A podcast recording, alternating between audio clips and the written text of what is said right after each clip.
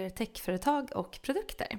Jag heter Anna Leijon och dagens avsnitt är ett specialavsnitt från Ingenjörsdagen i Malmö där jag intervjuade fyra otroligt spännande individer från fyra olika företag.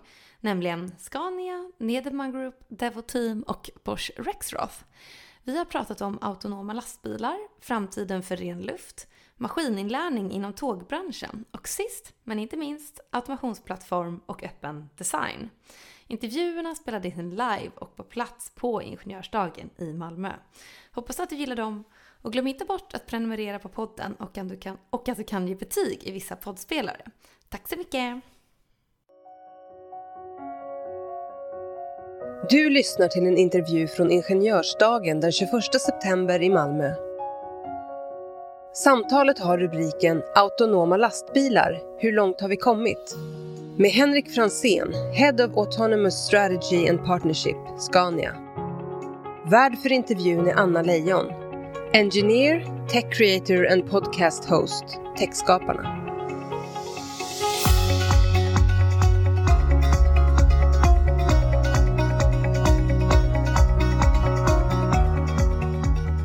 Jag heter ju Anna Leijon och är civilingenjör från eh, KTH och eh, har även grundat och eh, driver eh, Techskaparna, podcasten, i egenskap av vilken jag sitter här nu och intervjuar dig. Henrik Fransén, så spännande att få ha med dig här i samtalet. Tackar. Du är ju Head of Autonomous Strategy and Partnership på Scania. Ja, det stämmer. Vi drar igång på en gång. Så när kan vi se Scanias självkörande lastbilar rulla ut på vägarna? Alla vi ser ju fram emot det här. Ja, jag förstår det. Det är lite av en 10 000 kronors fråga kanske som man vill ha svar på. Man kan redan idag se våra lastbilar på vägarna, men det är ur ett rent utvecklingsperspektiv så att säga. Vi kör ingen kommersiell trafik idag det är inte bara på vägarna egentligen, utan man kan även se oss i, i gruvor. Vi har ett samarbete med Rio Tinto i Australien till exempel, där vi eh, just nu testar autonomi i, eh, i gruvor där. Så det är också ett spännande område som vi, som vi är inne på, så att säga. Tittar man lite mer generellt kring autonomi och eh, när vi ser kanske det stora genomslaget för autonomi i, i världen så tror jag att vi kommer börja se kommersiella körningar i USA, i södra USA redan 2025-2026 skulle jag tro. Era lastbilar? Nej, inte våra, men eh, inte specifikt våra. Men mm. eh, det finns andra aktörer på marknaden också som tittar på det här. såklart. Mm, vi är inte ensamma. Men det är mer den generella bilden. Även om det är också en väldigt liten, liten skala så, så ser vi att där kan det nog börja ta fart. Och Det är egentligen för att det finns perfekta förutsättningar i södra USA. Vädermässigt, det finns stora logistikflöden där även lagstiftningen i USA är eh, fördelaktig för att kunna köra autonomi. Framförallt i de här delstaterna som Texas och eh, Arizona till exempel. Gud vad coolt. Vi ser verkligen fram emot när det här kommer till Sverige också. Det finns sådana otroliga vinster att hämta med självkörande lastbilar. Nästa fråga. Så mm. vilka konkreta exempel finns redan idag? Du nämnde några, eh, men som ni som Scania jobbar med? Som jag sa då så är det mest eh, utvecklingsrelaterat idag och vi kör till exempel på E4 idag mellan Södertälje och eh, Nyköping. Coolt. Autonomt och har gjort det under ett antal år. Givetvis med en säkerhetsförare i hytten så att mm. om man ser en sån här lastbil så är det inte utan förare. Men den kör helt av sig själv. Eh, det gör den.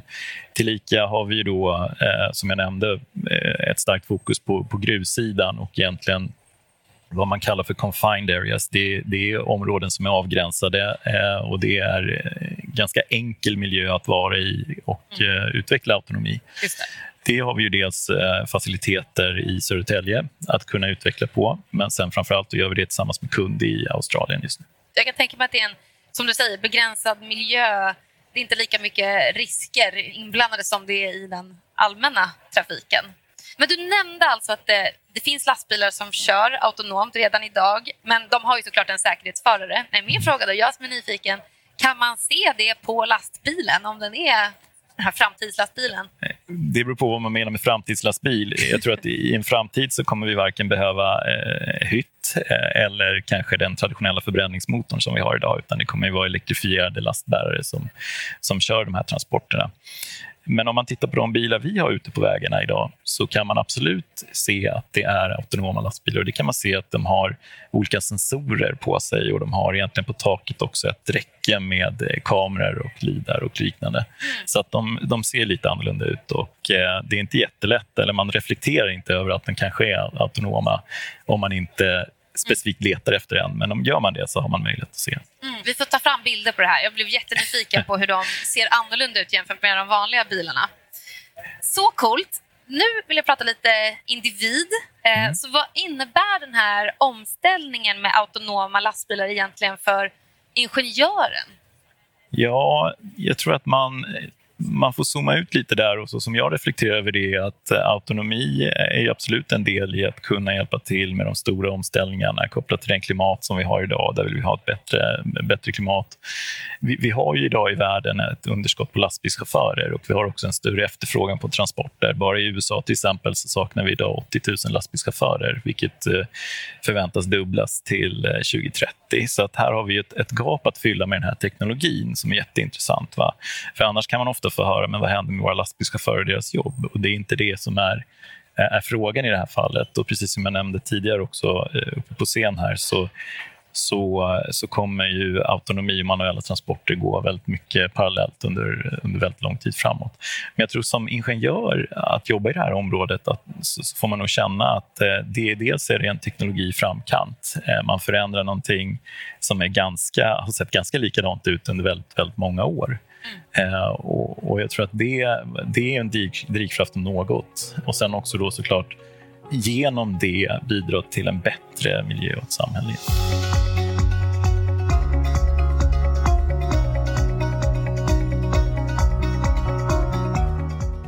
Den yngre ingenjören är ju väldigt eh också den äldre, är ju väldigt driven av att just förbättra samhället eh, och göra att man känner att man gör skillnad. Mm. Eh, så det, det är otroligt eh, inspirerande att få den möjligheten hos er i så fall med någonting så konkret. Eh, Okej, okay. vi har snackat lite på individnivå kring ingenjören. Om vi mm. liksom zoomar ut nu då, samhället. Mm. Så vi gick också in på det lite, men om vi djupar i det. Liksom, hur bidrar autonomi eller självkörning till en bättre värld?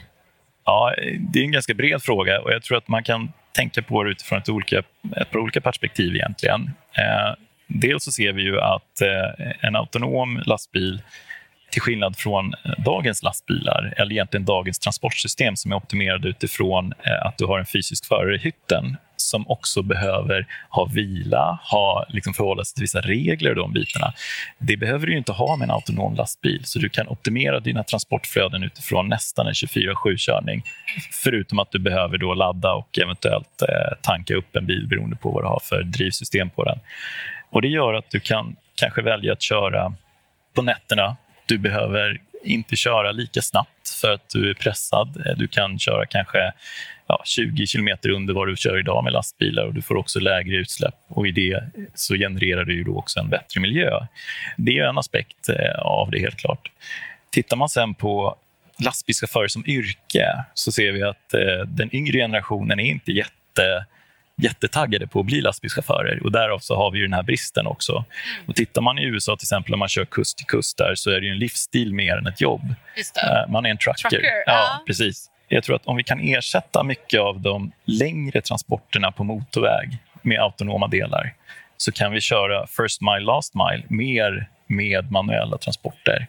Vilket gör att du får ihop liksom life balance i livet och du kan ha en möjlighet att ha eh, en familj eller du kan ha liksom ett, ett, socialt liv, jag på att säga nästan. Men du kan ha andra intressen utanför mm. och kombinera det på ett bra sätt. Så jag tror att livsmiljön för den här typen av yrkesgrupp eh, blir, eh, blir mycket bättre också. Så det finns positiva samhällsaspekter i det som, som man får ta Jag gillar det där last mile argumentet du förde. För att jag tänk, alltså nu, man har ju sett, man har, jag har varit inne i en sån här lastbil liksom, eh, och de kan ju, lastbilschaufförerna sover ju över i lastbilen mm. ibland mm. Eh, och kan, göra, liksom, kan bo i den i liksom, en vecka. Vilket som du säger är kanske inte det roligaste. Man kanske vill åka hem när man har kört the last mile.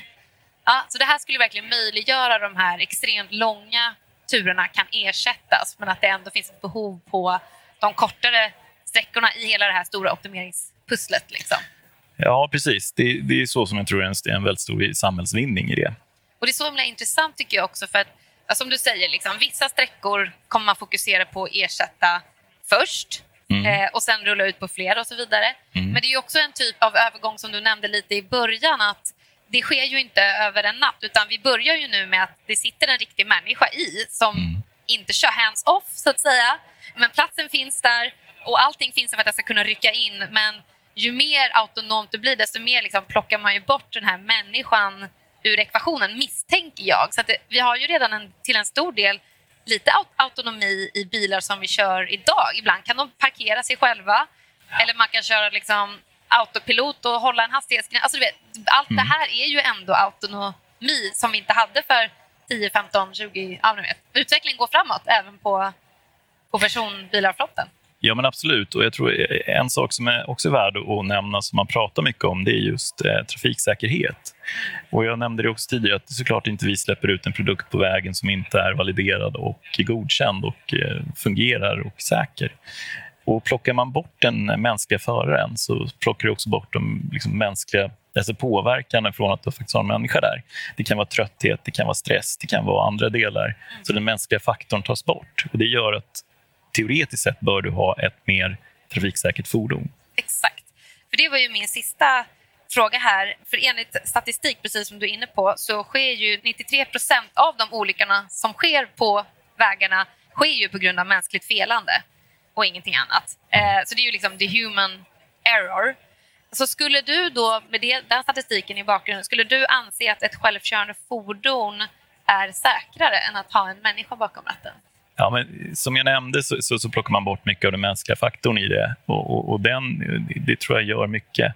Sen är det klart att eh, teknik kan fela också. Vi får inte komma ifrån det att det kan hända saker. Eller det kan hända också att du har eh, medtrafikanter som ser att det här är ett autonomt fordon. Nu ska vi busa med det. Nu ska vi hitta på någonting med det. Va? Och det är klart att då får du ha säkerhetssystem som gör att du, eh, att, att du bromsar upp det. Men det är klart man inte kan garantera att, att autonoma fordon i framtiden inte kommer med olyckor. Det, det kommer de vara. Men, men jag skulle säga att det finns absolut eh, belägg för att de skulle kunna anses som säkrare än, än en mänsklig förare. Mm. Och Sen tänkte jag också på det där med, du säger ju att ni, ni kör ju liksom rutter idag, redan idag. Och liksom, om man bara tänker lite så här, varför gör ni det? För då, det, det är nu som du säger, det är inga kommersiella rutter utan jag antar att det är bara för att samla in data liksom, öva algoritmen, eller? Ja, absolut. Det är en viktig del, att öva algoritmer och samla in data. Och, eh, så Det är det ena för att träna så att säga, den virtuella föraren. Men sen måste man tänka att det ena är ju i sig bilen och den virtuella föraren som är en enhet. Men sen har du hela nätverket runt omkring. Var ska den här bilen köra? Hur definierar du det? Hur bygger du upp det? Och hur styr du den här bilen i det här nätverket? Mm. Det är också en typ av kunskap som vi genererar och lär oss genom att köra det här autonomt ute. Vilka rutter kan vi köra? På vilket sätt ska vi göra det här? Hur bygger man upp en, eh, liksom den operativa delen kring autonomi? Så det, det är många delar in i det där. Men absolut, det ena är att samla in ren data för, för det ena, men, men även att lära sig väldigt mycket om framtidens transportnätverk och hur, hur det här kan se ut egentligen. Mm.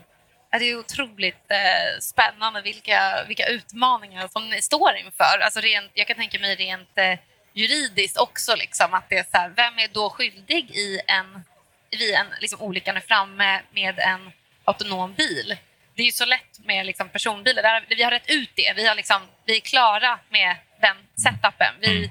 vi vet hur vi ska tacklas i de här juridiska tvisterna som uppstår, vem som ska betala vad och alla de här bitarna. Men hur har ni Nej, men så, jag, jag tror men som, som med alla nya tekniker så finns ju inte juridiken på plats där. Om vi hade haft det så hade vi haft något att förhålla oss till. Men så, som jag sa också så tror jag att i samband med att vi nu utvecklar den här teknologin så har vi också möjlighet att tillsammans med beslutsfattare sätta juridiken och det legala runt omkring det och påverka möjligheten att, eh, så att säga, hitta nivåer för autonomi och eh, hur det ska ses på. För idag så är det klart att eh, om det skulle vara en trafikolycka och, och du har ett autonomt fordon, det är svårt i, om det går till domstol och, och veta vad man ska luta sig mot för någonting. Så är det ju såklart. Mm. Så det sker ju en utveckling Parallellt med att teknikutvecklingen sker, så sker ju även utveckling med samhället och regler och, och lagar och annat runt omkring, givetvis. Mm. Men exakt, för det du nämnde med så himla spännande att i, i södra USA så kan de kanske rulla kommersiellt eh, 2025 eller 2026 eh, Mm. däromkring. Men vad tror du är det, liksom, det största hindret för att inte göra det redan nu? Är det det juridiska eller acceptans i samhället? Liksom? Eller vad, vad? det, det finns nog flera delar i det där. Det, det juridiska eh, delvis. Eh, där är man ju i, delsödra, eller i delstaten i södra USA väldigt öppen för att man vill, vill få in det här. Men jag ska säga att Europa ligger inte långt efter heller. Vi har en lagstiftning i Tyskland nu som togs fram för inte allt för länge sedan som verkligen är positiv för autonomi. Så att vi, vi är där också. Så det är inte ett hinder i sig, tror jag. Eh, Sen kommer man mer till liksom förmåga att köra i de här delstaterna där du har i princip ett vackert väder 365 dagar om, om året. Eh, Det finns ingen regn, snö eller någonting annat som på ett, något sätt kan så att säga, hindra oss från att, eh, att navigera. Det är väldigt bra förutsättningar. Sen ska man komma ihåg att eh, mycket av de eh, techbolag som vi samarbetar med har ju sitt säte i Kalifornien till exempel och fokuserar väldigt mycket på den amerikanska marknaden. Antingen där eller i, i Asien då givetvis. Va?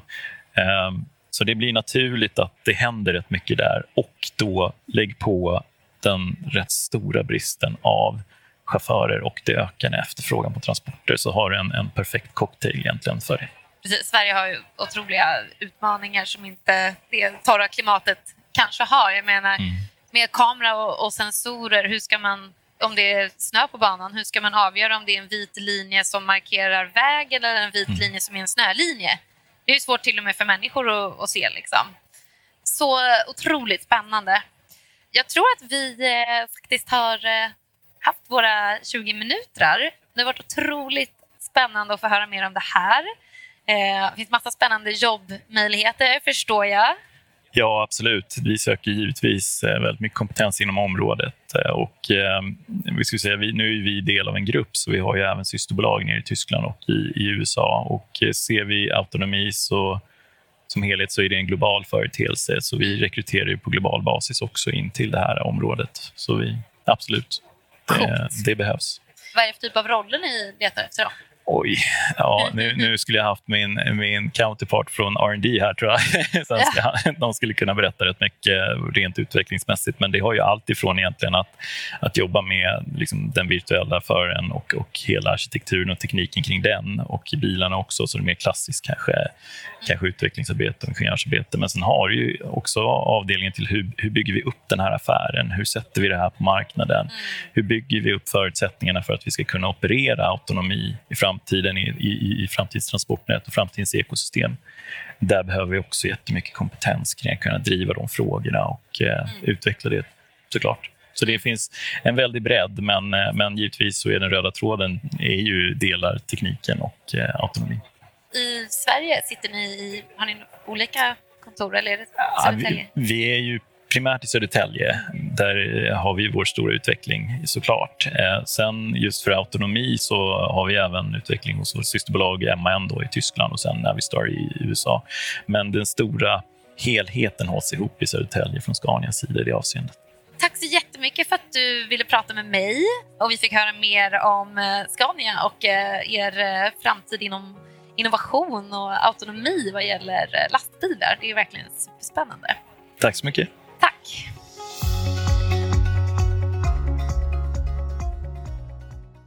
Men först ett meddelande från min sponsor.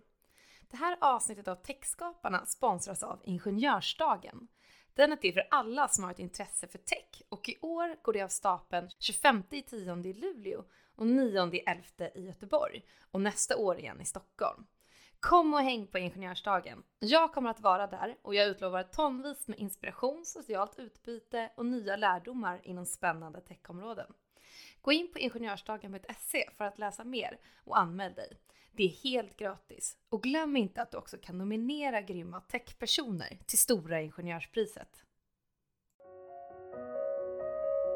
Du lyssnar till en intervju från Ingenjörsdagen den 21 september i Malmö. Samtalet har rubriken The Future for Clean Air med Sven Kristensson, CEO Nederman Group och är på engelska.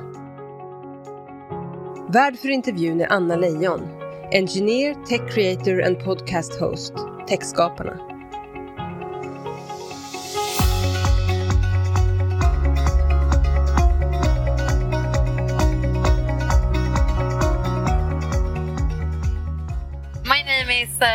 Uh, Leijon, and uh, I'm a civil engineer from uh, KTH. And I'm also the founder and uh, the only operative in uh, my podcast, uh, Techskaparna, which you can check out in any podcast player. With me today, I have the CEO of Nederman Group, Sven Kristersson. Welcome. Thank you very much. So great to have you with us. Let's take our seats and uh, begin the interview. I hope that you're not exhausted from your No. previous uh, podcast. I think we can survive another 20 minutes here. No problem. Okay, great. Uh, so catch some air because here comes the first question. Nederman is working with air filtration and clean air all around the world, but why is air pollution a problem? Yeah, air pollution is a global problem, and uh, you have a lot of reports that more than 90% of the world's population is not breathing clean air. And uh, defining clean air, you can have different, but uh, WHO has a definition uh, that is accepted around. And uh, that means it was even worse. They say the latest report said 95% did not. And um, bad air is one of the top killers in the world. It comes from uh, not only um, respiratory uh, diseases but also vascular and etc. You have a situation where your cognitive abilities are going down if you are exposed to bad air, fine particles. You have all of these things. And what happened is that um, many of these things we have known or, or have had an idea about uh, 30, 40 years ago when uh, Swedish um, development in this area of workers' health and so on uh, was developed. Uh, but over the last decade, we have fine tuned the way of measuring and also study and understand. So we understand that this is a severe problem, and this is understood in a number of areas as well. So it's one of the key killers and also bad health uh, situations. So it's utterly important that we try to have a better air and clean air around us. Agreed. And it's so cool to have a Swedish founded uh, company being uh, one of the world leaders within this uh, industry that you are also the CEO for. So very great to have you here. Thank you.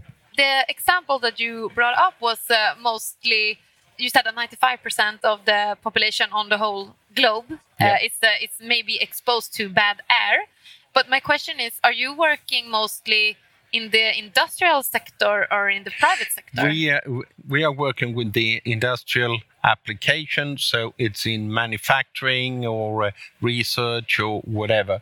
So it's only industrial application that we are. So it's uh, it's not for residential and and such, which is also important. But we are handling the toxic gases or particles from different industrial uh, applications. During the last year, your company has developed a unique IoT platform, kind of a buzzword in the in the tech scene. So, do you want to explain more what this IoT platform is? Yeah. The IoT platform as such is uh, is just a vehicle. The important thing is what we put into it, and it's mainly the development of uh, measuring devices, uh, capturing devices, and also then how you are handling this information. And that information can create better product, and it can also uh, immensely improve the use of the equipment uh, and the knowledge base from our customers and the users who are the real user who can impact how the clean air or the air comes out in a cleaner way. So that is the important. But the important here is also that that means that the, by using these technology we have better knowledge of what's really going on. One of our young engineers, he's only 73, he's still working with us because he explained to me why do you still want to continue? Well, I've been preaching, working with pollution and uh, trying to understand having had ideas, and now after more than 40 years, I have the data to really see is it true what I've been saying over the last at least 30 years. So it's a very important, it gives you using the technology, IoT in itself gives you nothing. It's the use of it and taking the ability to collect and analyze and therefore be much better in your processes. Interesting. And uh, what benefits for the user and for the society could this solution, uh, the IoT platform, contribute to? We know more. And uh, the more our customers and their use uh, of this information the better the world is because we can uh, improve and we can use the uh, data. We can use it in our further development of our filtration technologies etc you can act on it. yeah absolutely. But what is, uh, in your experience, what is the the biggest, uh, how do you say, like bad guy in uh, in uh, creating bad air in the industry that you've seen? Like, is it chemical processing or what? I, it I would say that everything uh, it could have, uh, even too much water. Uh, my chemistry teacher said that uh, drinking too much water is also harm. You have very toxic uh, element in some industry. You have long exposure. We know that the long exposure to many other things. So we have a wide variety of industry that we're working with everything from foundries smelters uh, recycling uh, waste incineration welding wood manufacturing etc and all of this is harmful if you are exposed um day out and day in. Some are more uh, harmful when it's let out in the air. So um, also protecting the environment is very important. So what we say, we protect people, planet, and the production that we have our installation in.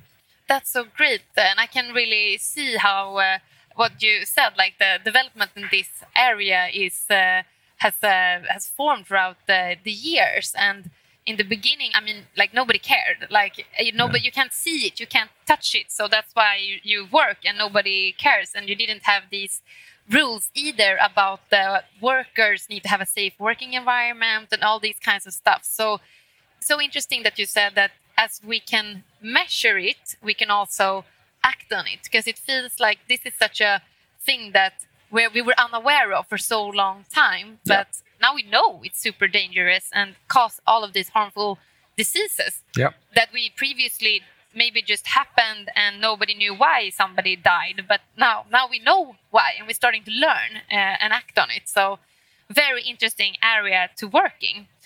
What technical challenges do your engineers face, particularly in regarding to solutions for, for clean air, and how have they solved them? Well, there's uh, numerous technical obstacles and hurdles when you are working with development, regardless whether it's a measurement technology or different filtration technologies and how to uh, handle the airflows and so on. So it's everything, and you need to have many different competences when using it. One you have uh, PhDs in physics, and doing that, you have people working with the material you're using to filter particles or different way of filtrating gases, etc. So it's uh, you cannot say it's one. It's a pattern, and you have to work in group, and you have to cooperate to find the best solutions. Uh, and we have very good engineers, and we hope to uh, have even more of those uh, who can contribute to our further success and development. Of course. I mean, that's why we're here. We're here for the engineers.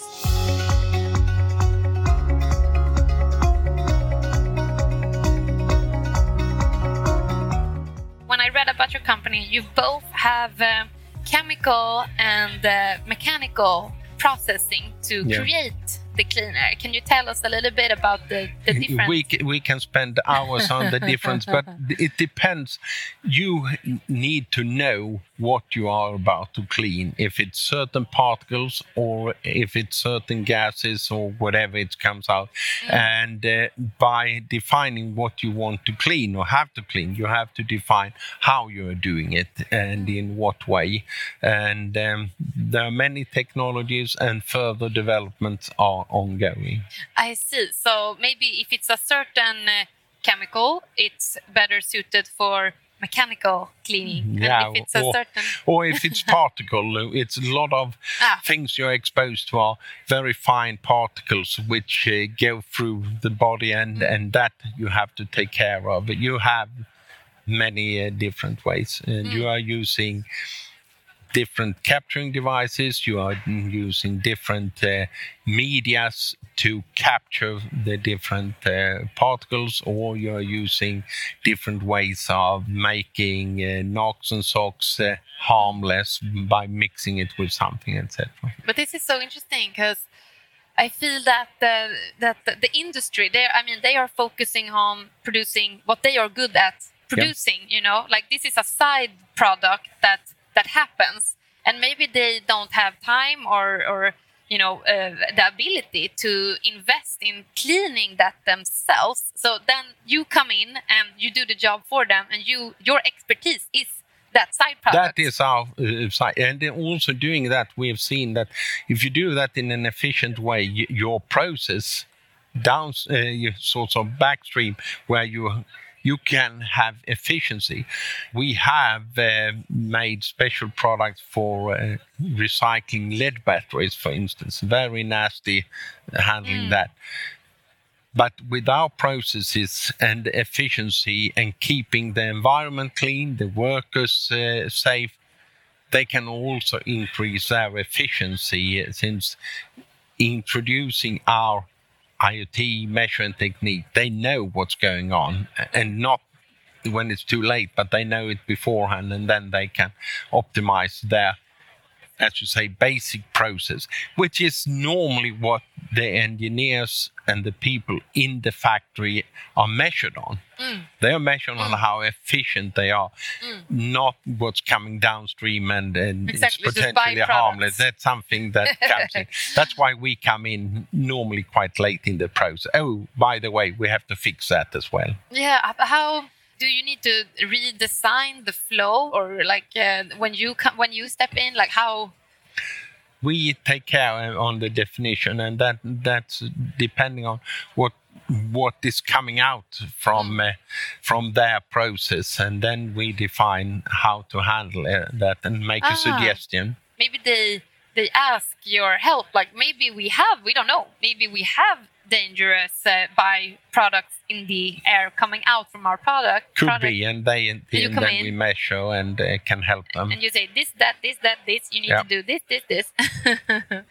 okay, cool. So you mentioned uh, letting it out in the environment. It's not only is it bad for us, you know, people, individuals that are working with it to to breathe it, but it also it's also a matter of capturing it so it, it doesn't isn't let out in the environment. Can you tell that is a very interesting part and a, a part maybe which could be growing if we're thinking no but it's, it's both it, it, it is uh, how you are capturing it inside the manufacturing site if you say or research or wherever. You're capturing it then you have to do that at the source protecting the people who are working there and the uh, equipment you have there. But you then you take it through some kind of filtration and you have to measure it and control it.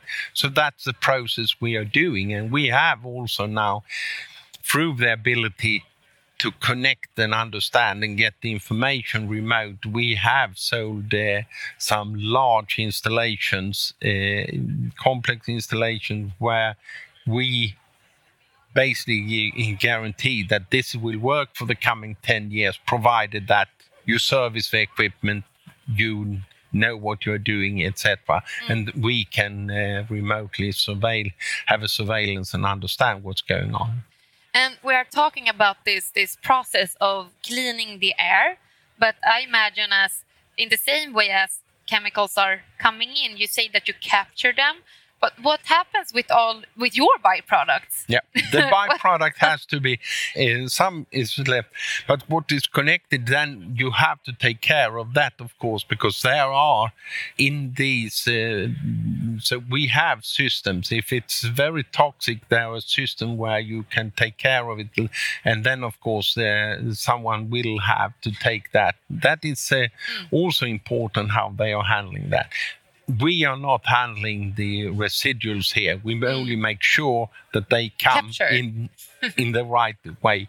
But it, sometimes the residuals can be quite valuable. We uh, sold the systems to a watch manufacturer, so the residual in many cases was small filters with a lot of gold in it. So, uh, and with the increasing prices of uh, raw material, there's a growing interest in actually taking care of the residuals and reuse it.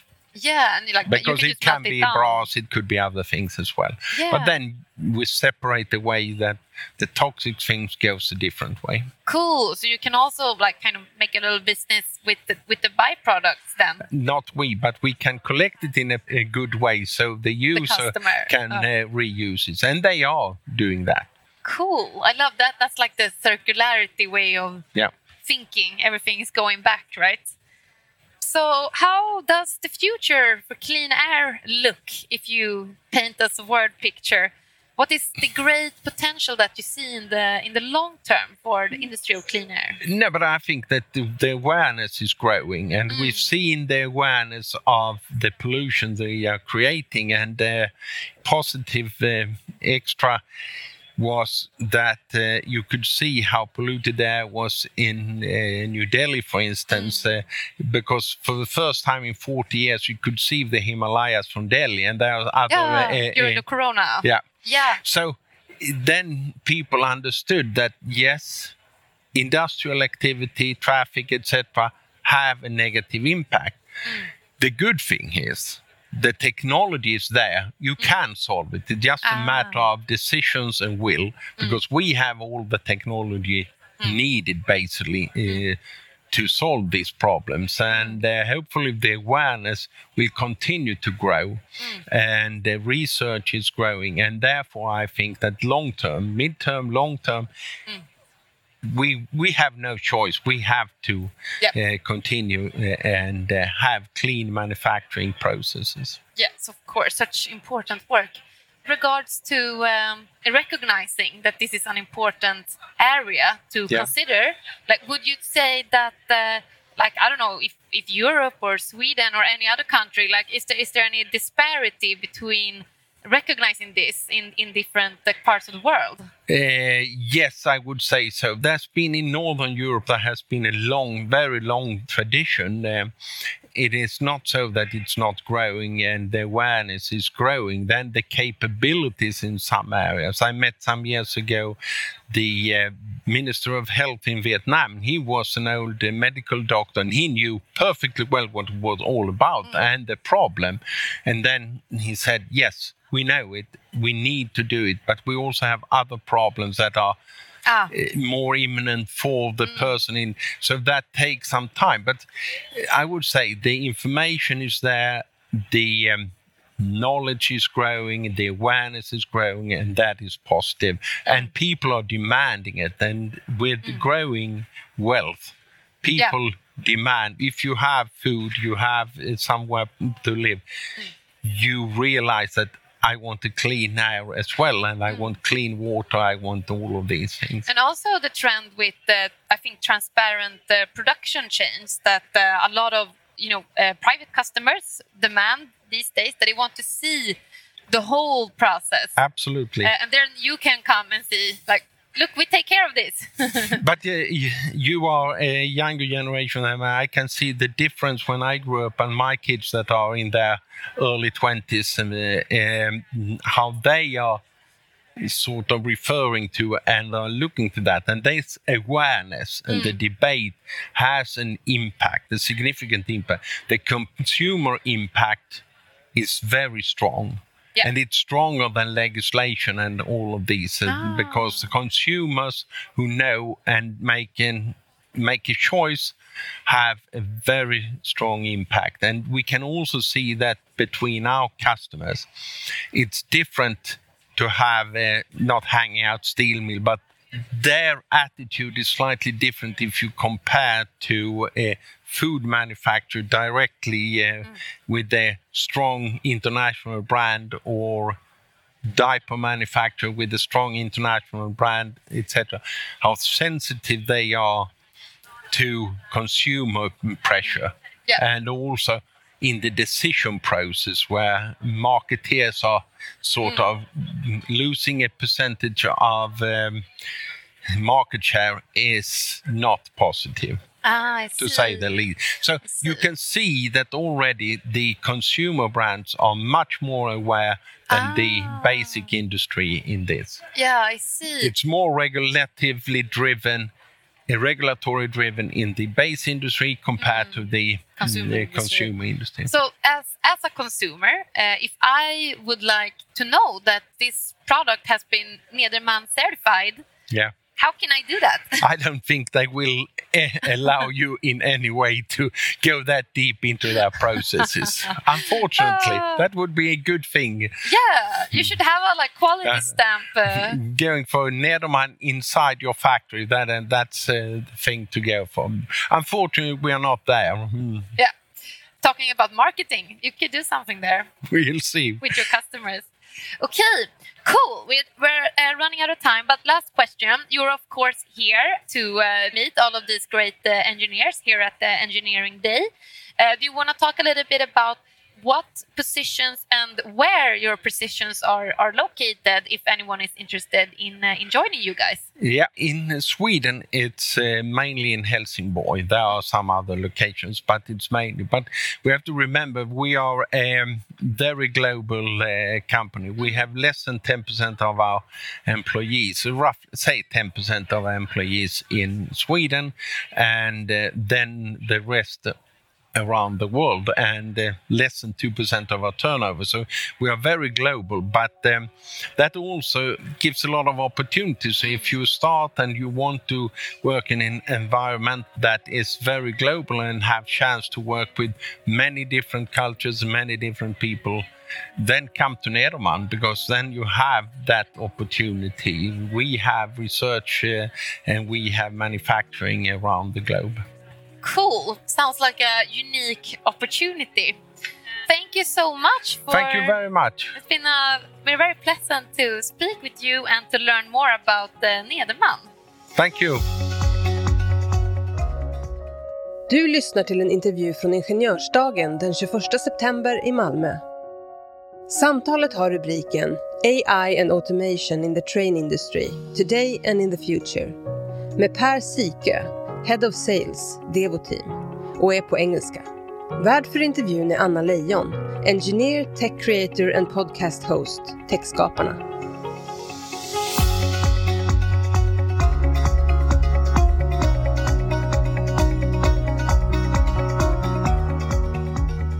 My name is uh, Anna Leijon and uh, I'm an engineer from KTH in Stockholm. And I'm here uh, representing my podcast called uh, Techskaparna. That's why I'm also interviewing you because in my podcast I'm interviewing a lot of interesting, cool tech people. That's why I am here. But with me today we have Per Sikö, and you are the head of sales of uh, Devoteam, correct? It's uh, semi correct. Okay, sorry. I have a new title from yesterday um, Ah. Tech Evangelist. Ooh, fancy title. Don't ask me what it is. All of these buzzwords in tech, you know, they never stop coming. But so great to have you with us. Uh, and we are going to talk about a very cool project that you and the Devoteam have built together.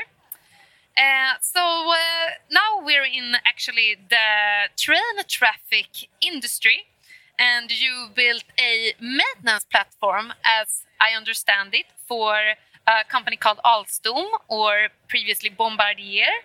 So tell me more about about this platform. Thank you so much for having me, by the way. Um, let's start with the problem. I don't know if you've ever experienced train delays. Yes. I mean, it could be just a few minutes, or maybe the train won't come at all. So anyway, it's a huge problem.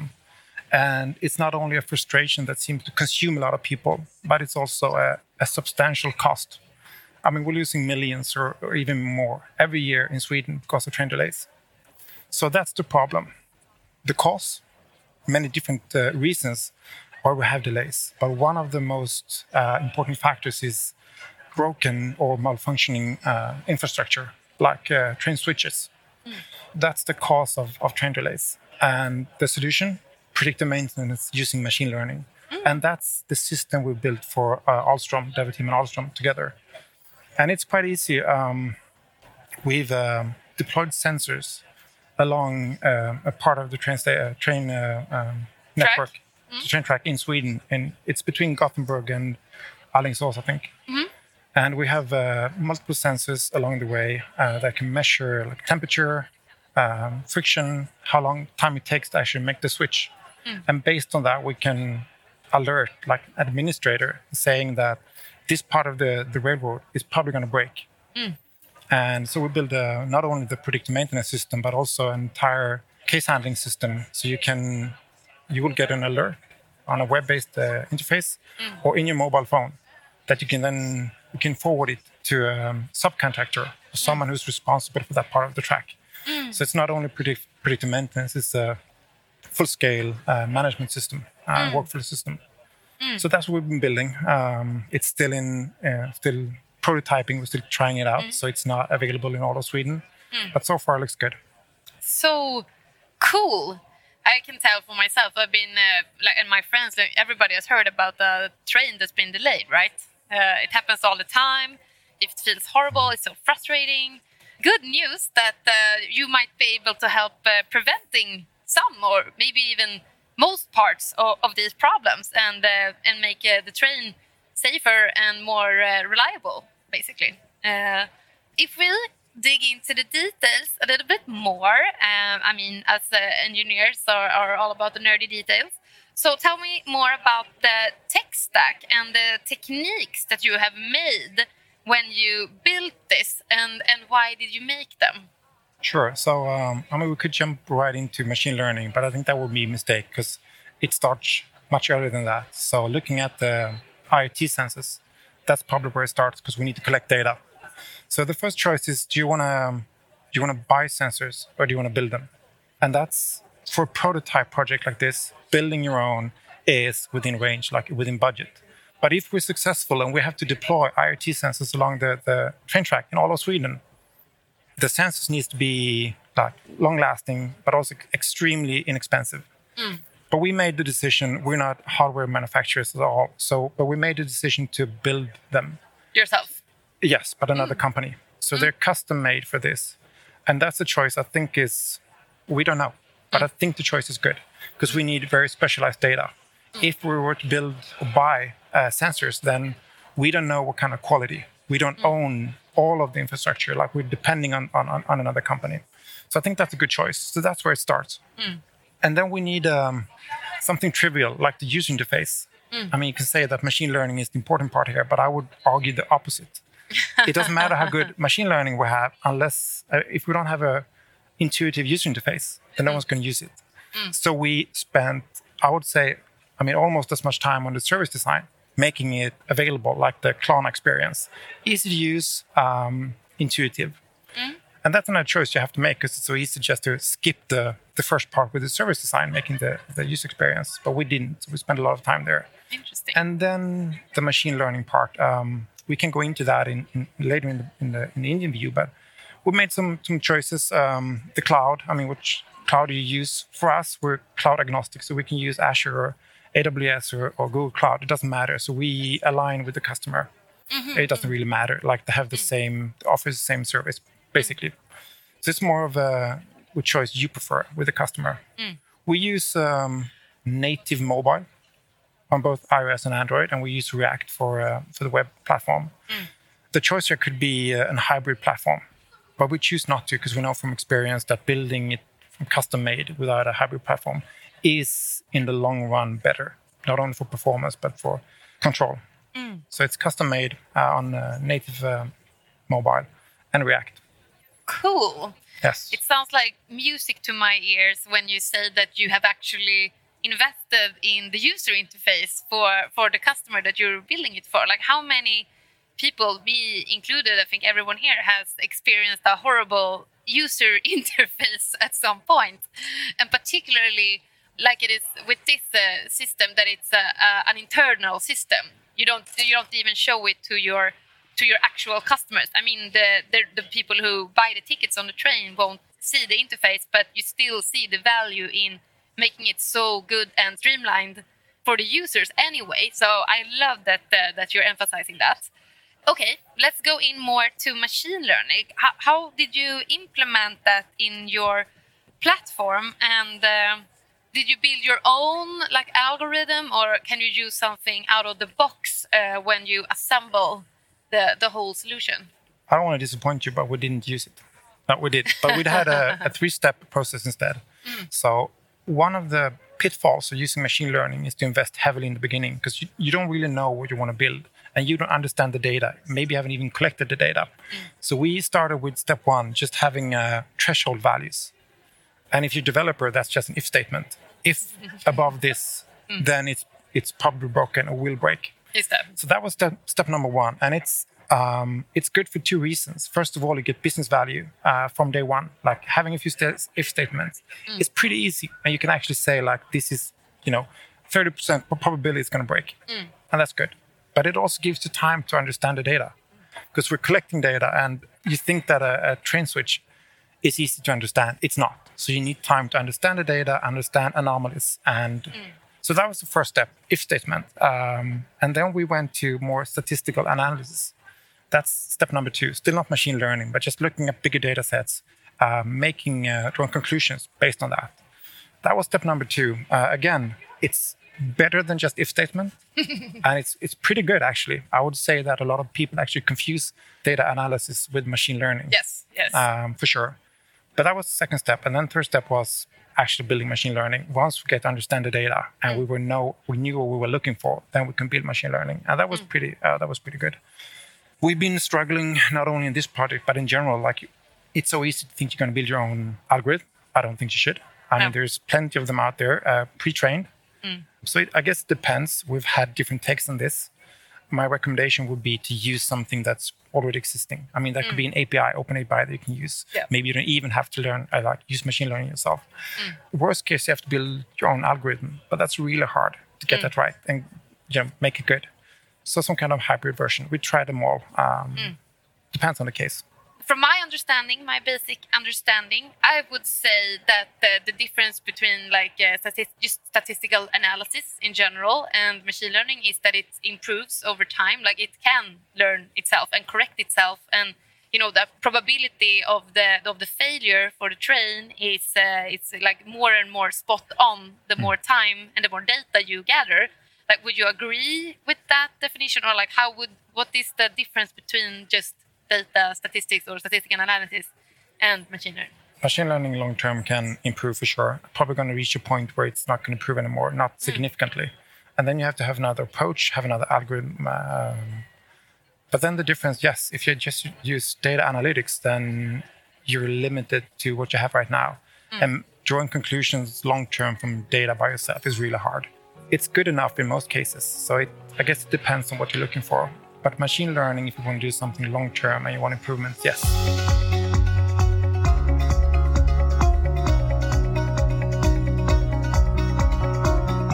It feels like a lot of people maybe say that they are using machine learning when they are not. It's a buzzword, it's a marketing aspect as well. But why do you think that the, the, that it is actually not used in uh, like that much uh, in in industry or in commercial products as well? Like, why haven't companies like been able to to start using machine learning for real? It's complicated. Yeah, I mean, it's really hard. Um, just collecting the data, understanding the data, and cleaning the data is hard. It's tedious. Um, boring. yes, it's really boring. But also, just we have dialogues with other companies, and they usually say, "We have so much data, we don't really know where it is. Uh, it's unstructured." and it's like it's in a database, uh, an Excel spreadsheet, and in email. Like, Yeah. what are we going to do with it? Yeah. Um, and maybe there is another aspect as well, and that's the a lot of people are pretty happy with where they are, and maybe the need for machine learning that's, that's so complicated and could Mm. be costly is uh, unnecessary. Maybe exaggerated. as well. Yes, but looking at, I think going forward, and we can already already see this trend is that some of the big players like Microsoft, Google, they provide us with APIs that we can use. Like you wouldn't build your own someone made pitch that, but image recognition, um, like just for detecting people in an image, because it's already been built. Yeah. So we're using APIs, uh, and the company providing the APIs, they've been building machine learning, but we just use it. Yeah. So I see a trend going like big companies that can invest will build and, and charge for using the API. I think it's fair enough. And you can build a lot of things just using APIs. And you can still say you're using machine learning, right? Yeah, I mean, if you're buying the service from Yes. someone else, it's still Yeah. machine learning, even if you haven't built it yourself. So you get you get the marketing points, right? Exactly. yes. Okay, we talked a little bit about the, the challenges, uh, but uh, in particular, when you built this platform for Alstonen, what was the, the biggest obstacles that you had to overcome, and particularly in order to get the machine learning algorithm working? it always starts with people, right? Uh, we're not going to discuss people, but it always starts with people understanding like who we are. It also starts with uh, the actual domain we're working in. I mean, we're experts in, in digital domain, but we're working in the train industry. So just understanding that is a, it's a huge problem. So it takes time. Uh, but then looking at machine learning, yes, just collecting data. Hmm. Again, it's easy to think that collecting data from a train switch is easy, but it's it's not. Then you have to you store it in the cloud you have to structure it somehow then you have to clean it. Again cleaning data is not fun. Hmm. And then we get rewarded by using analysis or, or machine learning but it's that's also pretty hard. Like it's not like we can just we can't just apply an algorithm and get great results hmm. So we we have a hypothesis that we try out and we're really excited and the outcome can be nothing and then we have to try it again and try it again so uh, collecting data, cleaning the data. I mean, it's uh, the usual suspects, I would say. Uh, and then applying machine learning. It's always a problem. And then people. a lot of problems. Yes. what you're trying to do when you have a machine learning algorithm uh, trying to predict the, the maintenance need of the train tract uh, is basically like you want to foresee if there's going to be any problem in the future, right? Yes. But what about the more like not so easy predictable problems like I don't know weather that can be pretty you know change very rapidly or or the human factor or, or anything anything against uh, along those lines. How do you do you take that into account in your algorithm? We do. Um, if there's data, we can always enrich the existing data. So luckily, we don't have to anticipate the weather because there are services doing that. So what we did, we used uh, to begin with SMHI Ah, and uh, used the data they're providing, and we enriched the existing uh, IoT sensor data with the weather data, making the predictions even better. So as long as there's an uh, say an API providing us with data, we can always take that into account. But there's a lot of things we can't take into account, like people running on the train track. There's no way you can predict that. no. There's probably like traffic accidents, stuff like that, that there's no way we can predict. So you cannot hold me accountable for all the delays in the future. Uh, No. We can improve it for sure. But data is always good. Good data is always good. I mean the usual suspects, like yeah, like you said, the train switch. Like that's a common. You always see that on the little screens, right? When you're like delayed due to train switch in uh, like I don't know Örebro or something, and you're like these damn train switches. Yes. so we have to fix them. But then when you hear about like, oh no, a train fell on the tracks, like, oh okay, that I can be more. I'm not so angry about that delayed. Like, I, I understand it, but that those train switches. If we talk about maintenance platforms such as these, like, what do you see the future being now that it, it has been tested a little bit at least? I mean, it's live. What is the future you you see ahead of you? In general, platforms like this, uh, I think they will um, maybe not explode, but more platforms platforms like this will be built in the future. Uh, the train industry is one thing. Uh, looking at the construction industry, that's another thing we can probably uh, improve. Um, the car industry is another thing. I mean, there's um, maybe it will take time, but I see that we there's a lot of industries that we can still maybe not revolutionize, but improve for sure mm. and bring business value. Mm. If you're interested, I mean, if you're if you're here and you're interested in a career in, in, in machine learning, data science, mm. then I would absolutely pursue it. We've been talking about machine learning for so long. Yeah. So some people might have confused, um, being confused, thinking that we're already done, but we're just in the beginning. But I think we're going to see a, a shift, more APIs being provided for sure. We're going to find different models. Uh, we already see these uh, pre-trained models or semi-pre-trained models, hopefully making it easier. Kind of standardized uh, Yes. the industry of Yes. machine learning. Yes, Yeah, and like ev- you don't have to reinvent the wheel every time you exactly. try to do something. Yes. You can. Uh, it's okay to implement with a with an API. Like Yes, it should be. Yeah. So maybe one percent of us will be building uh, algorithm, and then rest of the ninety-nine percent will actually use the the APIs instead. Um, that's not unthinkable unless you're a huge mega corporation. You probably want to build your own thing, but you know, for most of us, that's not realistic. Yeah. What kind of um, applications do you see of uh, machine learning in general? I mean, this predicting maintenance is, is one, which is which is great. Uh, what others do you see out there? Another huge problem that's not even remotely related to train uh, is um, social media. Ah, and I mean this is a long shot, but we have a huge problem, and it's just it's just going to grow with the um, harassment and abuse uh, online. And I don't think there's going to be like a, a committee of people sitting deciding we need to automate and pick pick uh, suspected uh, behavior. I mean, like Facebook. trolls or Yes, exactly. But uh, any type of harassment. But that's very different from train tracks. But it's still a very good use case because we need to fix it going forward. Uh, it's just going to explode. like affecting the election, for example, with the trolls and uh, and also you know pers- private individuals, of course. Yes, of course. Uh, So- Okay, interesting use case. I haven't thought about that one. What more do we do we see out there for machine learning? I mean, we built different cases from uh, just um, scanning a lot of text. So we have another case that's uh, public. It's for um, Alfa Laval, where they have a request for information. So someone sends uh, an RFQ to uh, Alfa Laval, and that can be 10,000 pages. And there is a department scanning the page and look, pages looking for relevant information because maybe just 50 pages are relevant for them. Ah. And that's another case we can just quickly um, sift through the, the text and highlight what's relevant, but also give suggestions on how to respond. So the RFQ process can be automated, maybe not entirely, but a lot of it. So a lot of text. Images is something we've come a long way. I don't. I mean, we're going to improve on everything related to images, but so that's not really interesting. Uh, but text for sure. Uh, construction, um, the entire retail. There's a lot of things we can do there, and we've come a long way.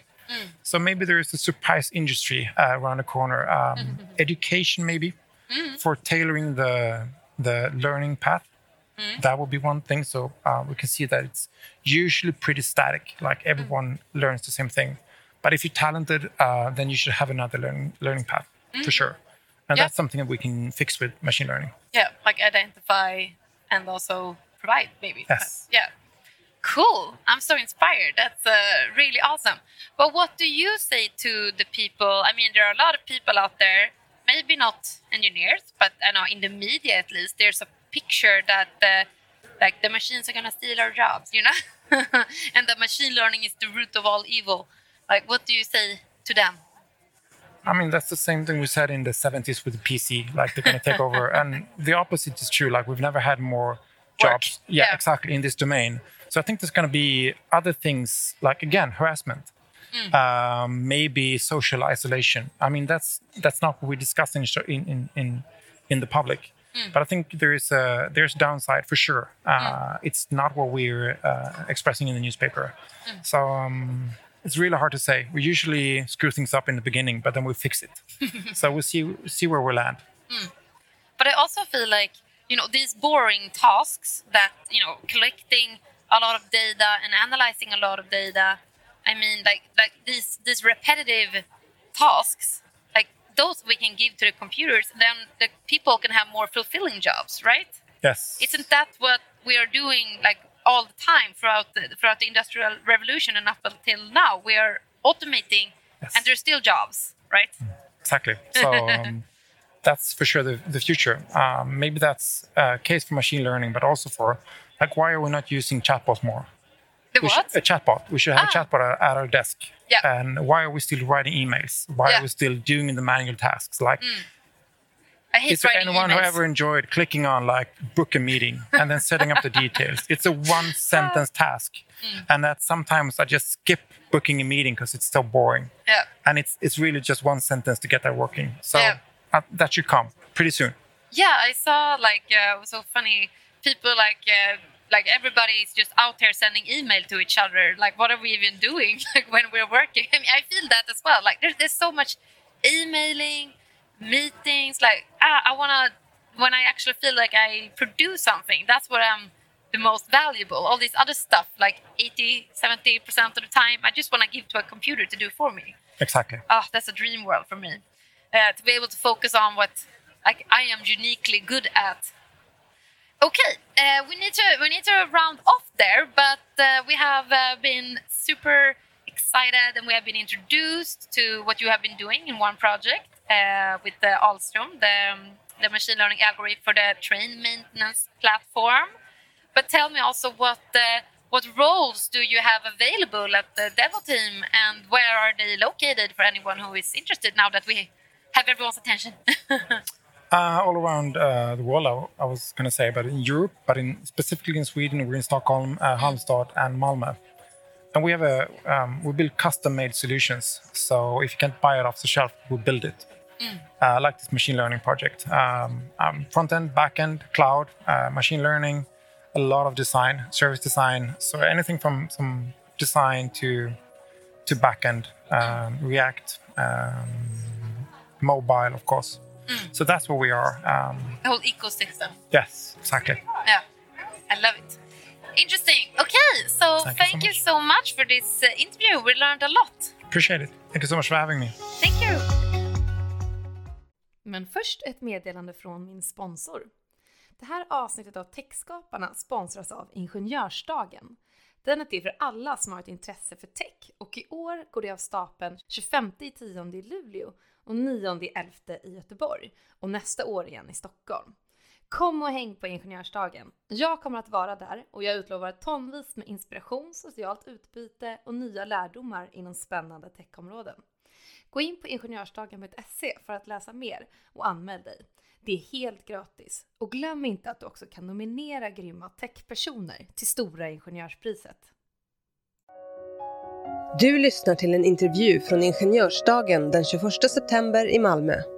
Samtalet har rubriken Bosch Rexroth about opening up the design, modularity and compatibility with their new product Control X Core med Bjarne Restedt, teknikchef Factory Automation, Bosch Rexroth.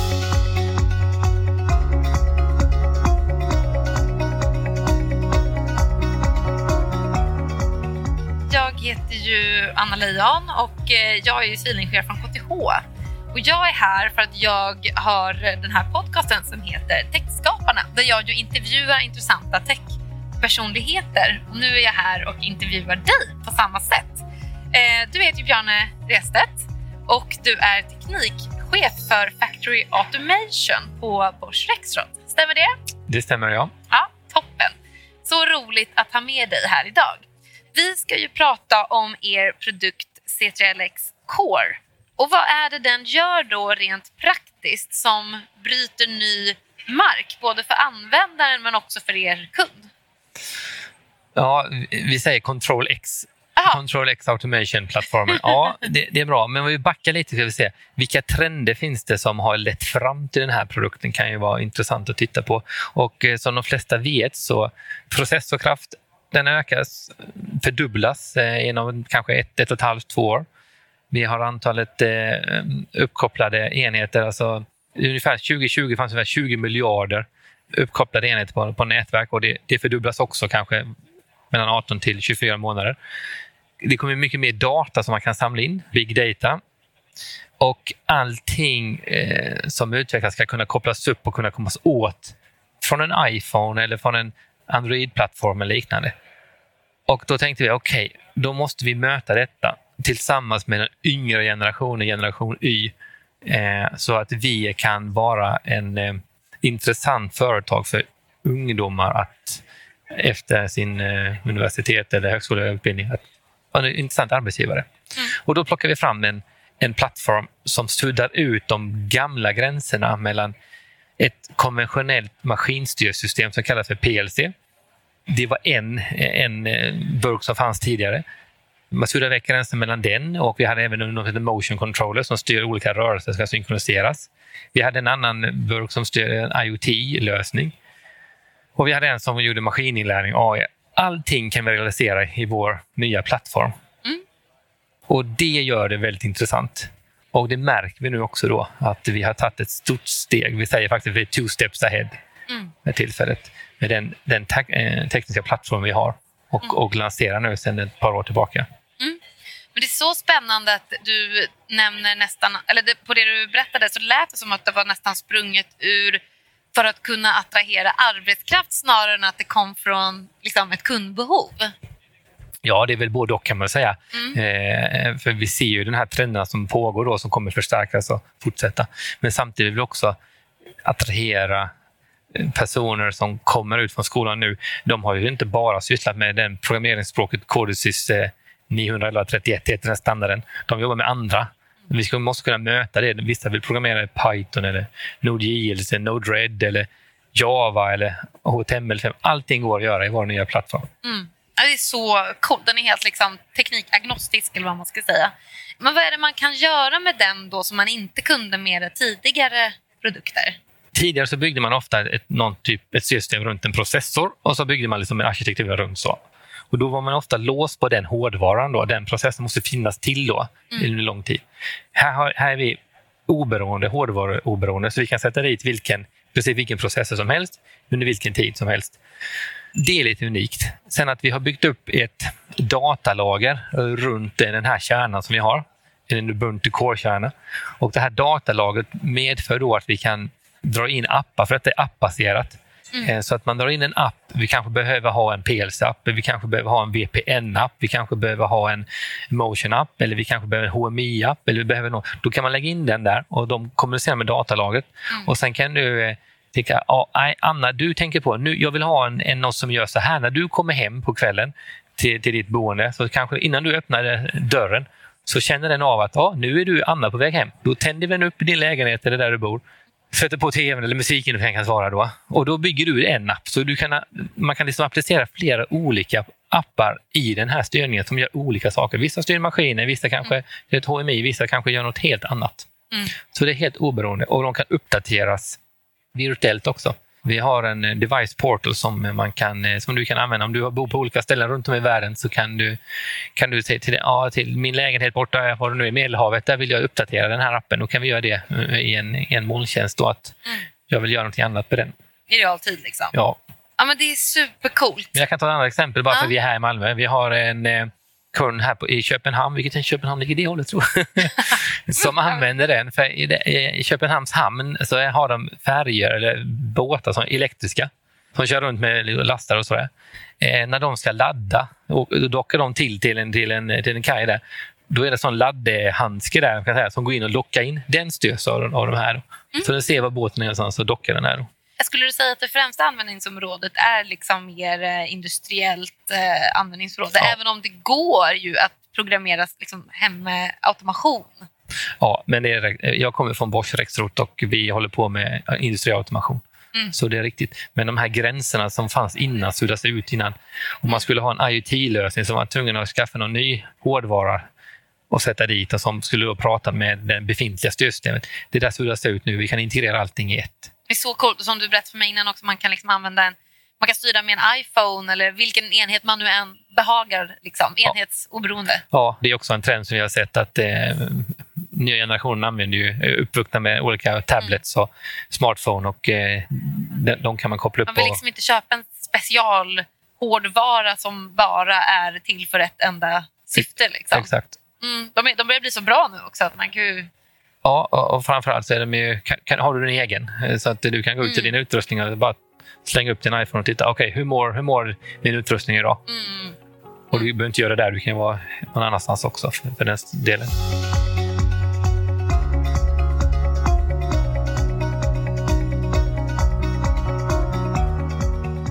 Men det där tycker jag är så spännande, för det där är ju en trend som kanske många andra företag går emot. Eh, jag tänker lite grann på Apple i alla fall. För att det de, tycker jag då, försöker göra lite grann, det är ju att låsa in användaren med liksom, unika kablar, egna uttag, egen mjukvara eh, och så vidare. Liksom, på många sätt. Både alltså, ur ett liksom, utvecklingsperspektiv, liksom, sitt egna operativsystem, sin egna kodbas, allt det här. Eh, men också ur ett liksom, användarperspektiv så kan du bara köpa deras kablar och deras liksom, hörlurar eller whatever. De har ju liksom exakt motsatt tänk mot vad ni har, kan man ju säga. Eh, med att öppna upp designen, kompabiliteten, modulariteten och så vidare. Så hur liksom, motiverar ni det här ur ett affärsbeslut? För liksom, jag förstår ju också vinningen att alltid behöva gå till Apple för att köpa någonting när du behöver något. Det är ett riktigt bra exempel. Jag, jag har aldrig tänkt på det så. Men eh, vi gör tvärtom om, om man jämför med, med det exemplet du gör. Men, och det gör vi för att vi tror att det är det vi behöver. För att vi har inte allting. Mm. Vi, vi har väldigt mycket automation, men det är att någon kund kanske behöver något speciellt. Någon speciell enhet eller någon sensor eller någon, någon device som inte vi har. Nej. Då måste den kunna ta in den i vårt system, i vår, vår eh, atmosfär och, så ska, och koppla in den och, och, och, få den att fungera tillsammans med vår arkitektur. Med en liksom vanlig USB-kabel eller whatever? Liksom. Ja, mm. exakt. Vad som helst. Vad du kan tänka dig, då är vi öppna. Då. Mm. Du kan programmera en egen eh, app eller egen program så du kan köra det med dina egna devices. Då. Mm. Det är också öppet. Så vi, vi tänker tvärtom där kan man säga. Mm. Det Apple försöker göra då är att vara bäst på allt. Man måste bygga allting själva. Liksom, det blir både dyrt och omständligt och jobbigt att inte kunna fokusera. Liksom. Men med den här blir det ju frisläppt. Det är så här, om den behöver en extra partikelgenerator, någon liksom jättespeciell liten grej, då kan du bara köpa till det, koppla in det med liksom en standardiserad kabel och så är den igång, den här sensorn eller vad det är för någonting. Och ja. fungerar med den mjukvaran. Som... Ja, och, och, det märker vi också är väldigt framgångsrikt. Vi har, jag tror att vi har 50 redan nu idag, vi har inte hållit på med så länge, 50 företag, ganska kända, välkända företag som redan har, har skrivit och eh, har eh, mjukvaror och appar i, vårt, i vår community. Vissa är helt fritt använda för alla användare. Vissa så, så kan vi, du hämta den och betala för den, då, precis som en, som en App Store. Mm. Så att många har redan sett det att okej, okay, det här var riktigt bra, det här vill vi vara med och mm. utveckla sina produkter på och få draghjälp. Det de köper då är alltså Control X Score. Vad ska man kalla enheten eller vad kallar man den? Ja, jag har ju den med mig här som en liten burk. Då. Det är inte alla ser, men en liten ja. burk. Men, men den kan man då sätta i... i här är den en, en, en, en core-baserad. Men de här, det, det speciella är det här kretskortet med den här processorn och mm. den där kärnan som finns runt. Men den kan finnas i olika saker. Den kan finnas i ett, ett, ett manöverpanel, den kan finnas i en, i en, en dator, industridator, den kan finnas i en frekvensomriktare. Den kan sättas vad som helst. Då. Mm. Men det är kärnan i systemet. Och där kan det kopplas på liksom, vad som helst? Var helst, precis. Ja. Ja, men det är så coolt tänk. Du hade ju spanat på den här trenden redan innan, men tror du liksom att den, det är teknikskifte vi ser? Det är det här vi är på väg mot? Liksom, att öppna upp snarare än att stänga in? Ja, man måste hålla isär begreppen lite där. För att man ska kunna göra det öppet för, för utvecklarna att använda vad man nu vill. Eh, vilka sensorer eller vilka tekniker. Men sen så vill ju företagen skydda sin egen data också. Mm. Man skulle egentligen kunna säga att ja, en bilfabrikant, sätter vi den hos en bilfabrikant så kan vi se att ja, idag gjorde de x antal bilar. Det måste vi kunna skydda och det kan vi också. Användaren kan skydda den information de vill skydda och, och, och skicka ut. Och, så de, och då har de det i sitt eget nätverk. Vi har VPN och säkerhetslösningar också då, så att inte utomstående kan hacka den. Då. Vi har ett exempel på att eh, vi har ett högriskfängelse i Tyskland. Där styr man säkerheten i fängelset med den här. Mm. För att den vet man, den här är väldigt svår att, i princip inte omöjlig, men väldigt, väldigt svår att, att hacka in sig. Mm. Vi har exempel på högriskfängelse här. Vad har ni mer för... Ja, den där roliga grejen i Köpenhamn var exempel. För det är bara dockning av, ja, dockning liksom, av laddutrustning till, till, till fartyg. Ah. sen har vi den i vanliga portalrobotar. Har vi den i. Vi har en kund som gör fräser små detaljer till bilindustrin. Men den fräser också tandimplantat, tror jag det kallas. Sådär, så så den, den, kan göra lite olika saker. Så det är alla möjliga branscher. Ah. Den är så himla liksom, versatile, eller vad man ska säga. Men hur eh, tror du då att eh, Control X Core kommer förändra branschen i stort och vad är vision långsiktigt? Liksom? Den nya generationen som kommer nu är så vana med den här digitaliseringen som har varit när de har vuxit upp så att, och vi måste hänga på den med allt vad det innebär. Då. Och då ser vi att vi kan inte fortsätta gå med branschen som den har utvecklats genom åren. För att automationsbranschen är ändå ganska mogen bransch. Mm. Och då sa vi då måste vi rensa det vi har haft och börja om från början. Mm. Och, och då är den här plattformen, den här möjligheterna som görs Mm. med olika programmeringsspråk, olika saker du kan, eh, du kan implementera och få den väldigt bred och eh, Kompatibel med allt. Ja, Mm. och det håller så att säga. Så att vi, vi tror att det, det är på rätt väg och det märker vi redan nu. Det är ett jättestort intresse Mm. Kul. för den här, eh, det här tänket. Då, så. Nu blir jag nyfiken. Konkurrerar den med liksom andra produkter som ni har internt och som är mer omodulära? Ja, ja, men det gör det lite så. Vi, vi, vi har två parallella eh, program kan man säga för tillfället. Ja. Detta är det nya. Då. Men de gamla systemen kommer att leva kvar i kanske 20 år till, 25 Ja. år till. Så att säga. Men, Kommer vi underhålla allting? Ja, det kommer det göra. För vi, vi är väldigt kända för det. Vi, vi levererar mycket till fordonsindustrin och kritisk energiindustri som ska kunna finnas i många, många år. Mm. Men den här lever sitt parallella liv och intresset är mycket högre för den här såklart. Känns... För möjligheterna finns ju mycket, mycket mer. Då, men för oss är det jättekul att det blir så. Mm.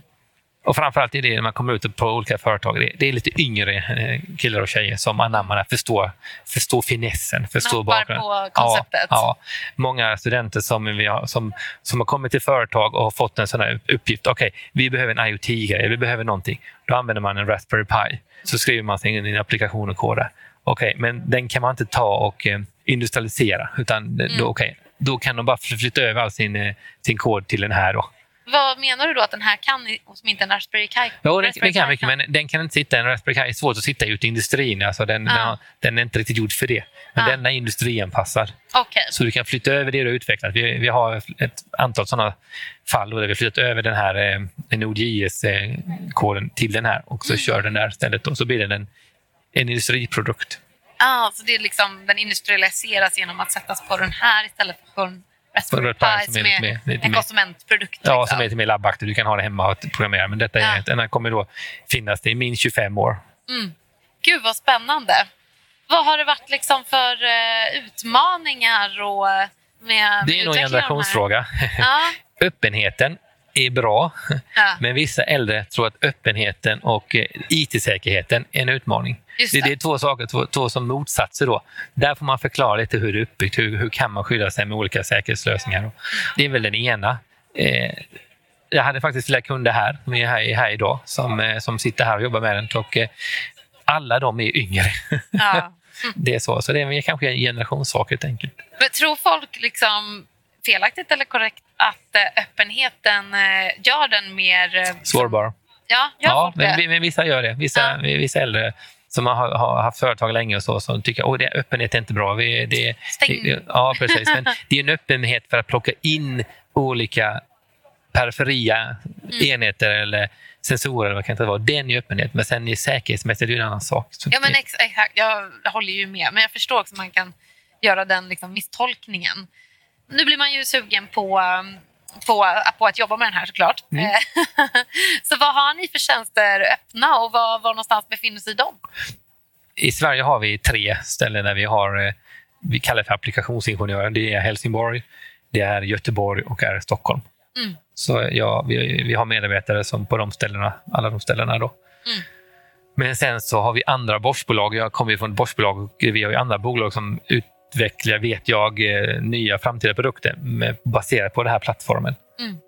Och, men de, de är spridda lite runt om i, i Sverige. Då. Det kommer snart för dem, vad de, vad de eh, kommer presentera var de finns någonstans. Ja, men tack så hemskt mycket för att du eh, kom och kul att du tog med liksom, produkten i sig också. Det är inte ofta man får se någonting konkret. Nej, Eh, här är den i verkligheten. Ja.